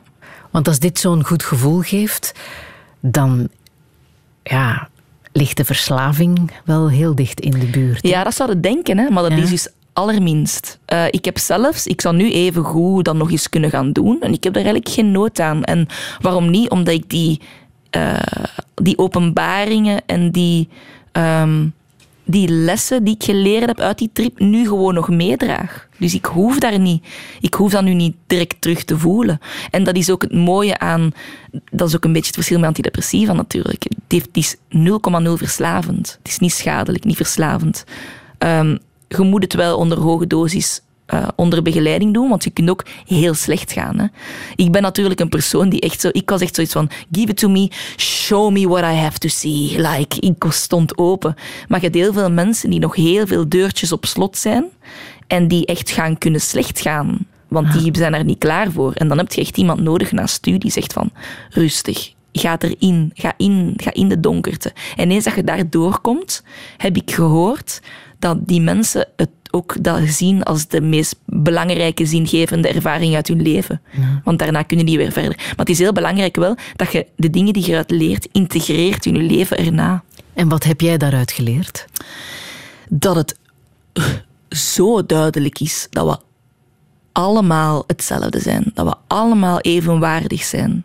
Ehm, dat, ehm, ehm, ja, dat we allemaal verbonden zijn ook. Want je bent heel erg op zoek naar je eigen zijn, hè? je eigen psyche, hoe het precies in elkaar zit. Ik zie nu echt, en dat vind ik een zalig. Ik, ik voel nu echt, ik hoop dat dat gaat blijven. Als ik me slecht voel, was het. ehm, dus ik ben de zee en je hebt de storm. En die storm, dat zijn uw gedachten en uw gevoelens. En vroeger was ik zelf de storm. Dus ik, het was heel zwart-wit. Ik dacht, ik zie de storm, de storm gaat niet voorbij, ik ga verdrinken, het, het is gedaan. En nu zie ik echt van, ik ben de zee en die storm zijn mijn gedachten en gevoelens en die komen en gaan. En dat komt en it comes and it goes. En zo kan ik dat allemaal relativeren, want ik besef van, ik ben de zee. Die is altijd rustig. En dat stelt mij gerust als ik nu een paniekaanval zou gaan krijgen of, of onzeker ben of zo. Je hebt ook heel veel geleerd uit eh, Voice Dialogue. Dat is gebaseerd op een boek dat je ook hebt eh, gelezen. Ja. Wat is daar precies de, de stelling, of wat is die therapie precies? Ja, dat is, dat, is een, dat is ook een hele mooie therapie. En ik vind dat heel straf, want net iemand uit de psychedelica heeft Symphony of Selves geschreven. Dat is ook nog eens een boek wat daar het schijnt over gaat. Dus it's all connected gewoon. Dat zegt eigenlijk, Voice Dialogue beschrijft het beste met een bus. En ehm, je hebt- we, we bestaan uit different selves. We bestaan allemaal uit verschillende ikken. En je hebt de primaire ikken die het meeste aan het woord willen zijn. Bij mij is dat de innerlijke criticus, de pleaser, eh, de melancholische zat ook heel veel aan, aan allee, in mijn bus. En je hebt de verstoten ik. Bij mij is dat bijvoorbeeld de zelfzekere of eh, de, nou, de, de, arroganten of zo. Ik vind het echt zo taboe om, om ook maar iets te stoeven over jezelf of zo. Ik vind dat, ah, ik kan dat niet aan. Maar ehm, de bedoeling is, hè, de bedoeling is dat je vanuit je aware ego, vanuit een overkoepelende positie, naar al die different selves leert te kijken zonder oordeel. En die te leren graag zien en te aanvaarden en in te zetten wanneer dat het je eigen goed uitkomt. Terwijl dat in mijn geval, mijn innerlijke criticus duwt mij continu van het stuur en zegt, en, en, neemt, en zegt altijd van, yo, je bent niet goed genoeg, lalala, ze zit hier niet terug. Hè. En nu zie ik van, dat is maar een deeltje van mijn persoonlijkheid. Dus ik kan die dan ook opzij zetten. En ik kan ook de goede kanten zien van die innerlijke criticus, want die forceert me wel om dingen te doen tegen mijn goesting, omdat die gewoon wel wilt dat ik het goed heb. Ja. Dus- En de ik wordt ook bepaald door wat er op dat moment gebeurt, of Ja. de persoon met wie je op dat moment in conversatie bent. eh. Ja, dat is, dat is inderdaad goed gezegd. Want als ik met mijn kinderen, dan word ik de moeder. En dan, dan neem ik die rol aan. En dat is niks schizofreen of zo. Hè. Dat is gewoon wat iedereen heeft. Hè. Want je kan je heel anders voelen thuis eh, dan bij je ouders of bij vrienden of op het werk. Kan je echt een ander gevoel hebben. Ja, en, an- en dat, is, dat is dat echt gaan exploreren. Zo van, wie komt er dan wanneer? En wanneer zit die ook in de weg, vooral? Wanneer neemt die de overhand? En het is de bedoeling dat je vanuit je aware ego, die, altijd, die, die je echt bent, die altijd eigenlijk rustig is, eigenlijk een beetje kunt kiezen. Zo van, ah, en nu zet ik deze even in, en nu de die. En dat is eigenlijk de ultimate goal. Zeer moeilijk. Zeer Ja? moeilijk, ja. Ja, Wow. Het is een lastige oefening die je elke Ja. dag moet eh, Elke dag moet... trainen. eh, ja, Ja. ja. Een ander boek dat je van voor naar achter en van achter naar voor hebt gelezen is eh, De kracht van het nu, Mhm. van Eckhart Tolle, een klassieker. Wat heb je daaruit eh, geleerd? Bij mij was dat boek het begin van echt zo het, het besef van het is, het is zo waar wat hij zegt. Hè. We zijn echt Inzicht. ja, een gigantisch inzicht van. We zijn allemaal verslaafd aan. We, kunnen ons, we zijn verslaafd aan denken. En we kunnen ons verstand niet meer gewoon aan en uitzetten. Ons, ons, ons verstand neemt controle over ons. We zijn continu in ons hoofd. En dat is een illusie ook vaak. Wie we denken dat we zijn, ons ego. eh, we denken, eh, we zijn beter als iemand anders of die zijn beter. Dat is allemaal maar illusie. We maken ons allemaal dat, dat, maar, dat maar wijs. Allemaal verhaaltjes die we ons eigen wijs maken. En hij zegt echt zo van... ehm, ja, het doel is eigenlijk, dat is verlicht zijn in het moment. Now is the only moment we have. Zo, nu. Dat is het enige moment. We weten niks van de toekomst, verleden is verleden tijd. Nu, nu, hier en nu. En daar is het altijd goed als je aanvaardt wat er komt. Dus Eckhart Tolle, dat is gewoon een dikke held. Ja.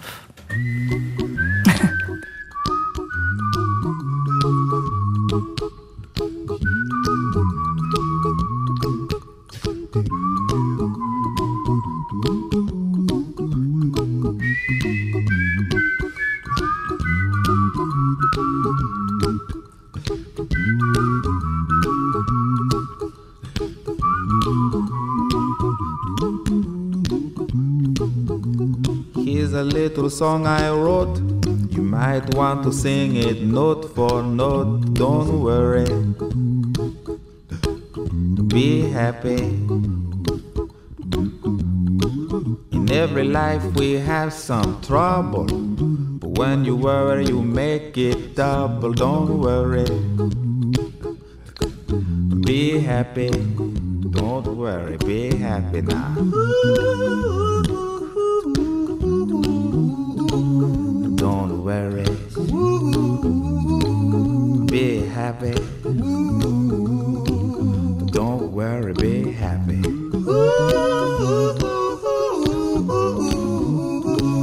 Don't worry.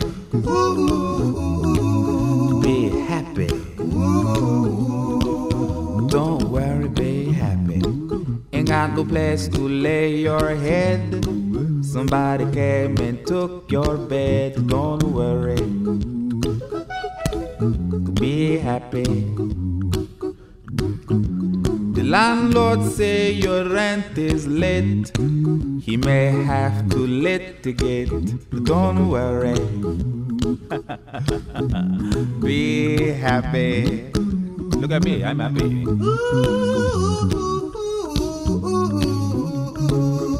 Don't worry. Be happy. I give you my phone number. When you worry, call me. I make you happy. Don't worry. Be happy.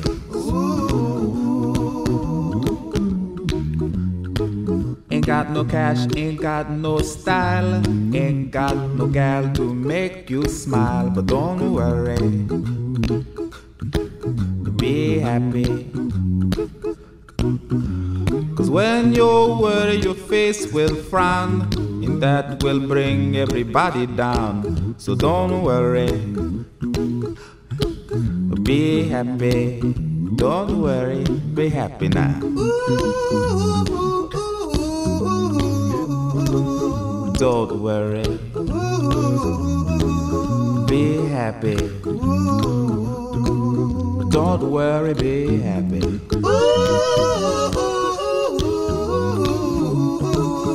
Don't worry. Be happy. Bobby McFerrin en Don't Worry, Be Happy. Selassou, dit is wel het tegenovergestelde hè? van alles wat we al hebben zitten vertellen. Ja, Het grappig. toppunt van je goed voelen. Oh, fantastisch. Maar weet je, ik, ik, ik hang er zoveel parallel aan. Dit is gewoon super de essentie. Het is natuurlijk makkelijker als gezegd als gedaan. Hè. Don't worry, be happy. Maar ja, wat hem zegt is ook wel... Het hoeft allemaal niet zo ingewikkeld te zijn. Dan moesten we dat maar allemaal zo een beetje vatten. Hè. Maar Ja. ja, fantastisch lied. Ik heb het ook eh, heel veel... eh, als ik zwanger was van mijn eerste zoon, heb ik dit nummer heel vaak eh, opgezet. Ik had zo'n playlistje gemaakt van Feel Good Music. En met mijn eerste zoontje heb ik zo elke dag gemediteerd, die goede muziek opgezet. En dat is echt een hele chille boy geworden. Zo. En met een tweede heb ik dat totaal niet gedaan. En die heeft echt zo vuurwerk in zijn gat, super rusteloos. Denk je dat dat echt invloed kan niet. hebben op een kind? ik denk dat wel. Ik denk dat echt wel die, die prenatale periode heel belangrijk is. Ja. Ehm, om kinderen te krijgen ehm, lijkt het mij ook niet aangeraden om antidepressiva te slikken hè, op dat moment. Hoe heb je dat gedaan? Ja, weet je, ik heb het toch gedaan. Ik heb het toch gedaan. Ehm, dat was een van die pogingen die ik had gedaan vlak voor de zwangerschap om ermee te stoppen, af te bouwen. Eh, omdat ik inderdaad wou, ik wil, ik wil echt alle mogelijke positiefste kansen bieden aan mijn kinderen. En ik denk, hè, dus ik heb het geprobeerd, maar het was gewoon niet gelukt. Het was niet gelukt. En dan uiteindelijk eh, besproken met mijn gynaecologe, die ook wel echt heel goed was en die er heel veel ervaring mee heeft gehad. Die heeft gezegd van, kijk, je kunt als we de keuze moeten maken tussen een mama die instabiel, ongelukkig is, maar geen medicatie neemt, of een mama die medicatie neemt, maar wel stabiel is en gelukkig, kiezen we absoluut voor het tweede, want het eerste is veel schadelijker. Dus uiteindelijk laagst mogelijke dosis genomen. Met een antidepressivum dat al het meeste getest was bij kindjes in de buik. En daarna ook, want ik heb twee jaar borstvoeding gegeven met mijn zonen. Ehm, dus het toch gedaan. En het Ja. was wel oké. Er was een pediater bij bij de bevalling om te kijken of alles goed is met de kindjes. Maar die waren levendig. Dus, en dat zijn ze nu nog altijd. Ja. Dus, Maar je hebt ook wel bewust jouw carrière on hold gezet toen, hè? ja. Heel bewust om die kinderen op de wereld te zetten? Ja, omdat ik ook wel echt geloof dat die eerste jaren heel belangrijk zijn. Er is zoiets als de eerste duizend dagen in een kinderleven. Ehm, en ik had echt zoiets van, ik wil die echt zo veilig, vertrouwd opvoeden. Die eerste jaren zou die zo veilig geworteld zijn eigenlijk. En ik voel nu ook, nu begint het ook allemaal terug. En ze zijn nu twee en vier. Als ik nu weg ga, is het van tja moeder en ik ben weg en they don't, they don't care. Omdat die me zoveel thuis hebben gehad, ehm, Ja. dat die heel veilig gehecht zijn. Dus ik ben heel blij dat je dat hebt gedaan ook, die eerste twee. Terwijl iemand anders die, net als jij op dat moment een grote carrière maakt, zou zeggen, ah, ik wacht nog wel even met de moeder worden en met kinderen. Ja, het grappige is, ik zei tegen mijn management, exact als ik 18 was, met Christophe, hij zegt het nog zo tegen mij van, ik heb gezegd van, kijk, ik wil 10 jaar echt werken en daarna wil ik kinderen. En op de kop gewoon, 28, kebang, ik ben zwanger. en dan twee jaar later, kebang, terug zwanger. Vonden ze minder tof. Vond, ja, het label vond dat wel zo van, ah shit, oké. Maar dan was corona misschien nog net goed getimed. corona was ideaal. Mm. Ja. Maar je had ook wel even kunnen oefenen, hè? want je hebt inderdaad eh, pluskinderen. ja. Ja. Hoe was dat, dat je uiteindelijk al wel moeder was? Dat was, ja, dat was eigenlijk heel goed. Eh, ik heb inderdaad echt wel... Ik ben, ik ben het echt al wel echt aan het doen van mijn 21ste. Hè. En Mhm. intense. Bedoel, en dat was niet gemakkelijk. Je bent nooit de echte moeder natuurlijk. Maar het is toch wel een rol die je... Ja, je voedt ze wel samen op. Bedoel, ze zijn heel veel bij je thuis. En je, wilt, je, je ziet ze graag. Je wil dat daar goed mee komt. Ehm, dus we hebben echt een, wel echt een prachtige rit gereden, moet ik wel zeggen. Die zijn nu 19 en 17 en we zijn echt close. Ik bedoel, het is echt mooi zo. En dat die jongens er kwamen, was moeilijk voor de oudste eh, in het begin. Dat heeft even geduurd, omdat die toen ook ja, echt wel ja, serieus aan het puberen was. Die was 14, 15. Dus die dacht echt van, ai, oké, er komt een kindje bij hem, nog minder aandacht voor mij. En die, het heeft al zo moeilijk. Dus die, dat heeft even geduurd. Maar nu, de, de twee oudste meisjes hè, zijn eh, meters van de twee jongens. Ah, Dus heel mooi. Beautiful, toch? Ja. En de kleintjes heten Seth en Mingus. Zeer muzikale namen, hè? Ja, ik heb daar zo, ja, ik, niet dat ik daar echt spijt van heb, maar ik, de, de oudste, onze oudste dochter noemt ook Naima. Ook genoemd naar eh, de welbekende naam waar ik nu uiteraard niet op kom. Eh, zoek het eens op. Naima is een nummer van jazz, in de Ah, jazz, in de Ja, jazzwereld. ah. Ehm, ja, weet je, ik hoop eigenlijk zelfs, ja, voor mij hoeven ze niet in de muziek te, te, te gaan. Ze. ze moeten doen wat ze graag doen. Hè. Ja, ze en hebben wel musicaliteit. De set heeft echt mijn gehoor. Dus die moet één nummer horen en die, gaat dat voor altijd, die kan dat voor altijd meezingen. Dus die heeft ook zo'n toonvastheid. Die kan de mingus, daar ben ik benieuwd naar. Dat waardeer, er is ook heel veel sport in onze familie. Dat wordt zo'n shotter, dat is echt zo'n klimmer die klimt op alles. Zo. Ik denk dat dat eerder die kant gaat opgaan. Ja, want je zit vaak op Instagram en dan speel je en dan zitten ze er vaak bij, hè? Heel rustig te luisteren naar jouw muziek. Ja. Wel totaal nooit onder de indruk, voor alle duidelijkheid. They, they don't give a shit. Ja, Ja. dat merken ze nog niet, dat ze daar misschien wel kunnen van onder de indruk zijn. Ja. Ja. Maar hoe zie jij hun toekomst? Welke toekomst zou je hen willen schenken? Ja, Als je dat in de hand had. Ik heb daar ook, dat is ook een van de nummers op de plaat die me echt het nauwst aan het hart ligt. Zo. Dat is het laatste nummer op de plaat, dat is Full of Life. En dat is echt geschreven vanuit de moeder. En dat gaat over mijn liefde en mijn hoop dat het leven zo lang mogelijk zo mooi blijft als dat ze het nu ervaren. Want die zijn nu zo gelukkig. Die leven nu in het moment. Die zijn eigenlijk verlicht, hè, die kleintjes. Ik bedoel, die denken niet aan laat. Allee, nu begint dat besef te komen van ah, wanneer mag ik nog eens bij Meti gaan spelen of wanneer mag ik bij die gaan spelen. De Mingus is nog full aan the moment. Zo. Ja. En ik ga dat wel, ik ga dat jammer vinden en dat gaat zo gebeuren. Hè. Ik bedoel, dat het life will get them. Je weet, ik ken het alleen. Ja. Ehm, ik, ik hoop, weet ik, ik ga altijd blijven bijstaan, maar bon, je dingen in de hand natuurlijk. Ik heb het ook wel, het is ook een beetje toch wel een egoïstische keuze om kinderen te krijgen nu, vind ik wel. Ik bedoel, wie heeft er nu nog kinderen nodig op de wereld? Eh, ik bedoel, er zijn genoeg mensen op de wereld, dus het is wel mijn verantwoordelijkheid om, eh, ja, om hen eh, goed te begeleiden en goede mensen van te maken ook. Goede kerels. Nou, Ja. Mm, houdt het je ook bezig dat ze misschien ook genetisch bepaald kunnen zijn? Dat ze diezelfde onrust van jou zullen mee hebben op een of andere manier? Ja, dat houdt me zeker bezig. Houdt me zeker bezig. Ehm, ik herken heel veel van Seth eh, bij Joachim, wat mij enorm geruststelt. Want dat, heeft, dat is echt wel zo'n een, een, stabiele man eigenlijk. ehm. en Seth is ook zo redelijk rationeel en easygoing. Maar de Mingus, dat, dat, die is toch wel gevoelig. Die, is- die heeft toch wel meer mijn kanten. Ze. Is het dan een voordeel dat jij heel goed weet wat het betekent Ik denk het om wel. Je slecht te voelen? Wat de tekenen kunnen zijn? Ja, ik denk het wel. Ik ga gewoon vooral niet te snel moeten panikeren of zo. Het zit ook zo in mijn aard om, om direct zo te diagnosticeren, terwijl dat, dat ook niet altijd moet. Ik bedoel, ik heb altijd, ik had ook met mijn plusdochters zo in de puberteit, ik had schrik, man, als die zich slecht voelde. Want dat bleef maar duren en ik dacht, moeten we die nu wel alleen op haar kamer laten? Allee, dat was, ja. Maar dan kwam dat na een paar weken toch wel goed terug. Dus ik hoef niet altijd van het ergste uit te gaan. Dan moet ik mezelf ook wel inknopen. Zo. Straks is er die nieuwe plaat. Ga je dan ook op tour met of zonder de kinderen? Goeie vraag. Weet je dat al? Wel, ik heb het in de zomer al eens ge- mee geëxperimenteerd. Eh, dus ze zijn af en toe meegekomen, met de nanny dan ook, zo mee op de tourbus. Ehm, als ik met mijn klein entourage, dus die eh, Bedroom EP, dat was heel klein, daar heb ik ook mee getoerd in Frankrijk en dat was zalig. Mijn broer was mee als nanny, dus die nam de set mee. Dus ik kon Ah. borst geven en ondertussen muziek maken. Maar nu is het wel wat anders. Die, die twee kinderen zijn echt zo kiepjes zonder kop die rondlopen. Ehm, en die kwam dan van het podium en dan zegt ze mama, ik moet kaka doen of zo. Dus direct zo de moederrol. Dus dat het gaat niet gemakkelijk zijn om die beide te combineren. Ehm, maar ik ben benieuwd. Ik heb, ik heb ook wel eens even goesting om eerlijk te zijn, om niet alleen maar die moederrol meer te moeten opnemen. Ik heb goesting om met muzikanten, met mijn team op tour te zijn, te feesten, te genieten van elkaar op podium. Ah, daar heb ik ook wel eens zin in ze. Goh, even een break van die kleine.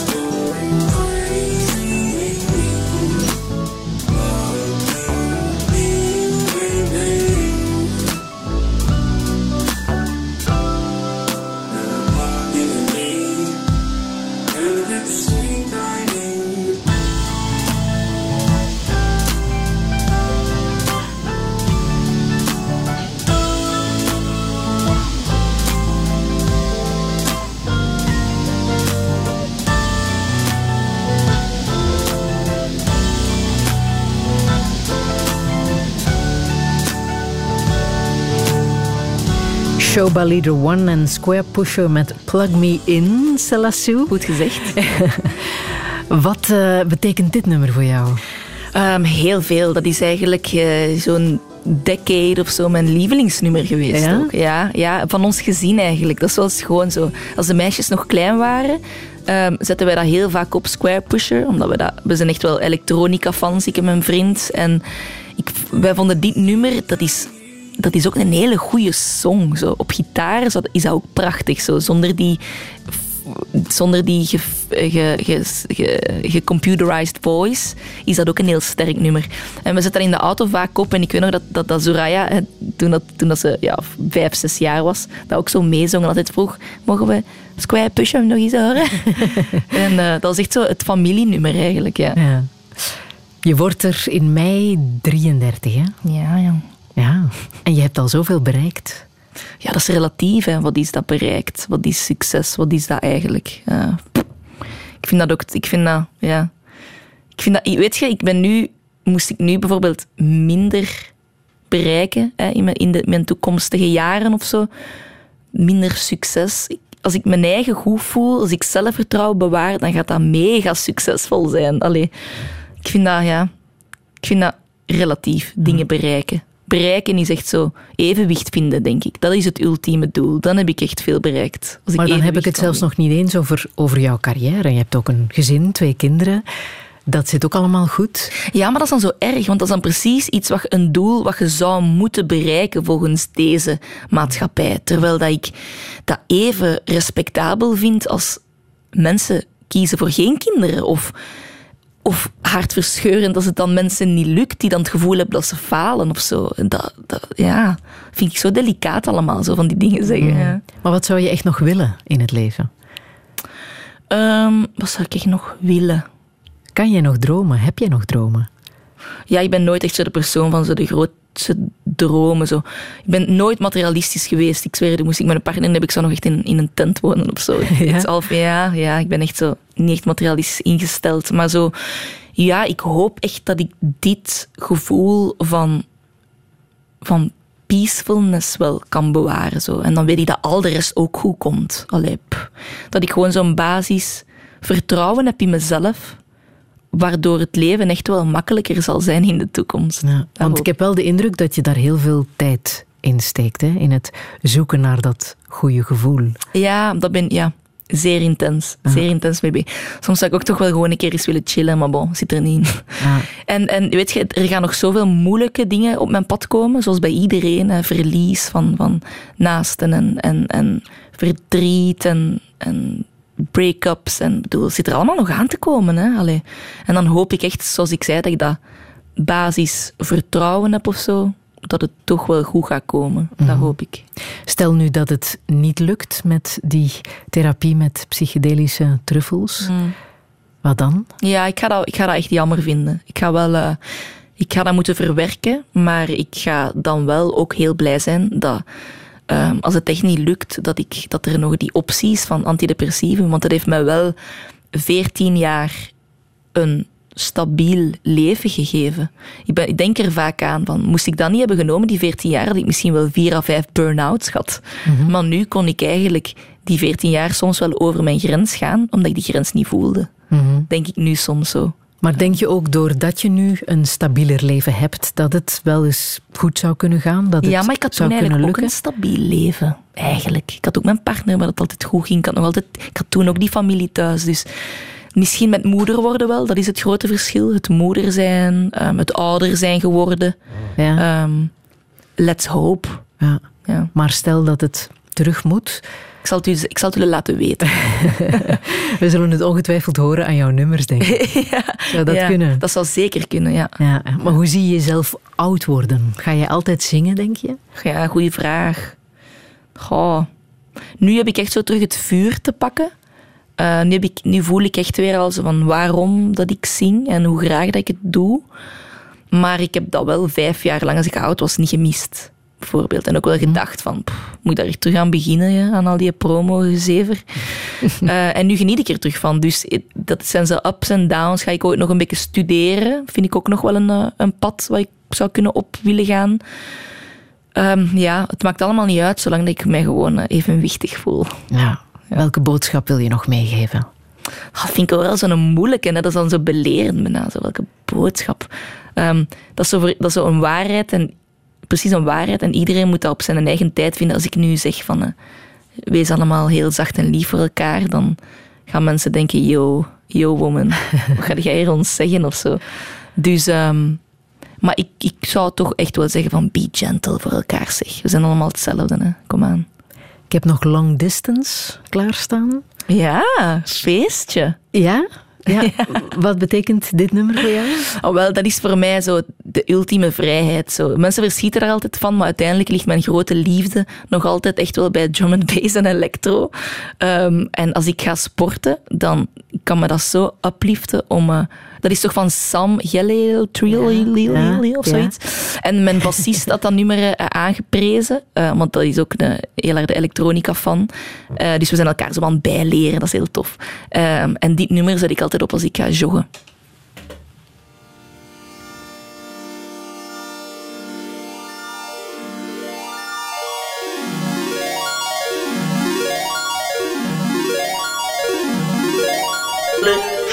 Attack. She attacked me. She attacked me. Attacked to she. You must be me. She attacked.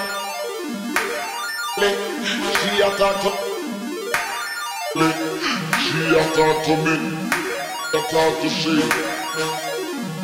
You must be me. She attacked. She attacked me.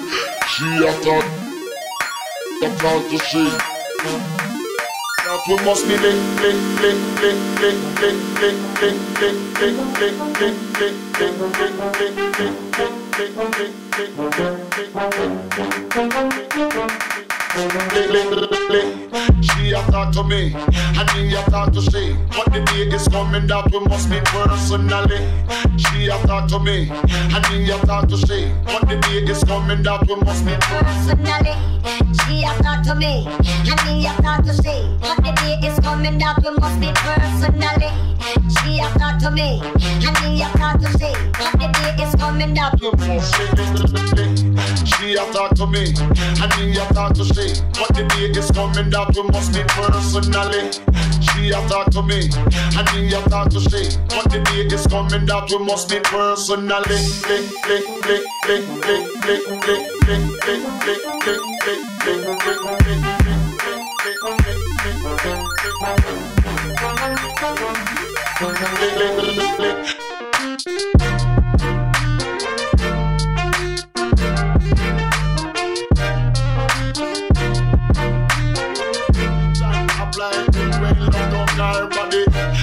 Apply good when love down our body. John apply good when love down our body. John apply good when love down our body. John apply good when love down our body. She attack to me, and me attack to she. But the day is coming that we must meet personally. She attack to me, and me attack to she. But the day is coming that we must meet personally. Lick,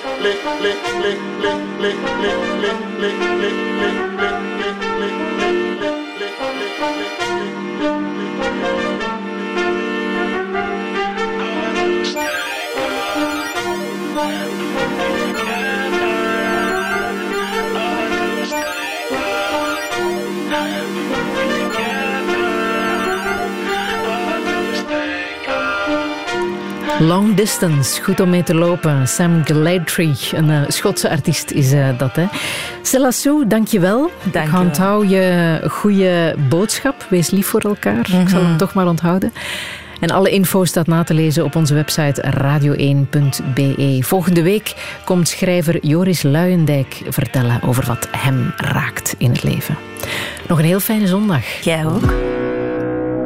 Herbeluister Touché via de podcast, de Radio 1-app en radio1.be.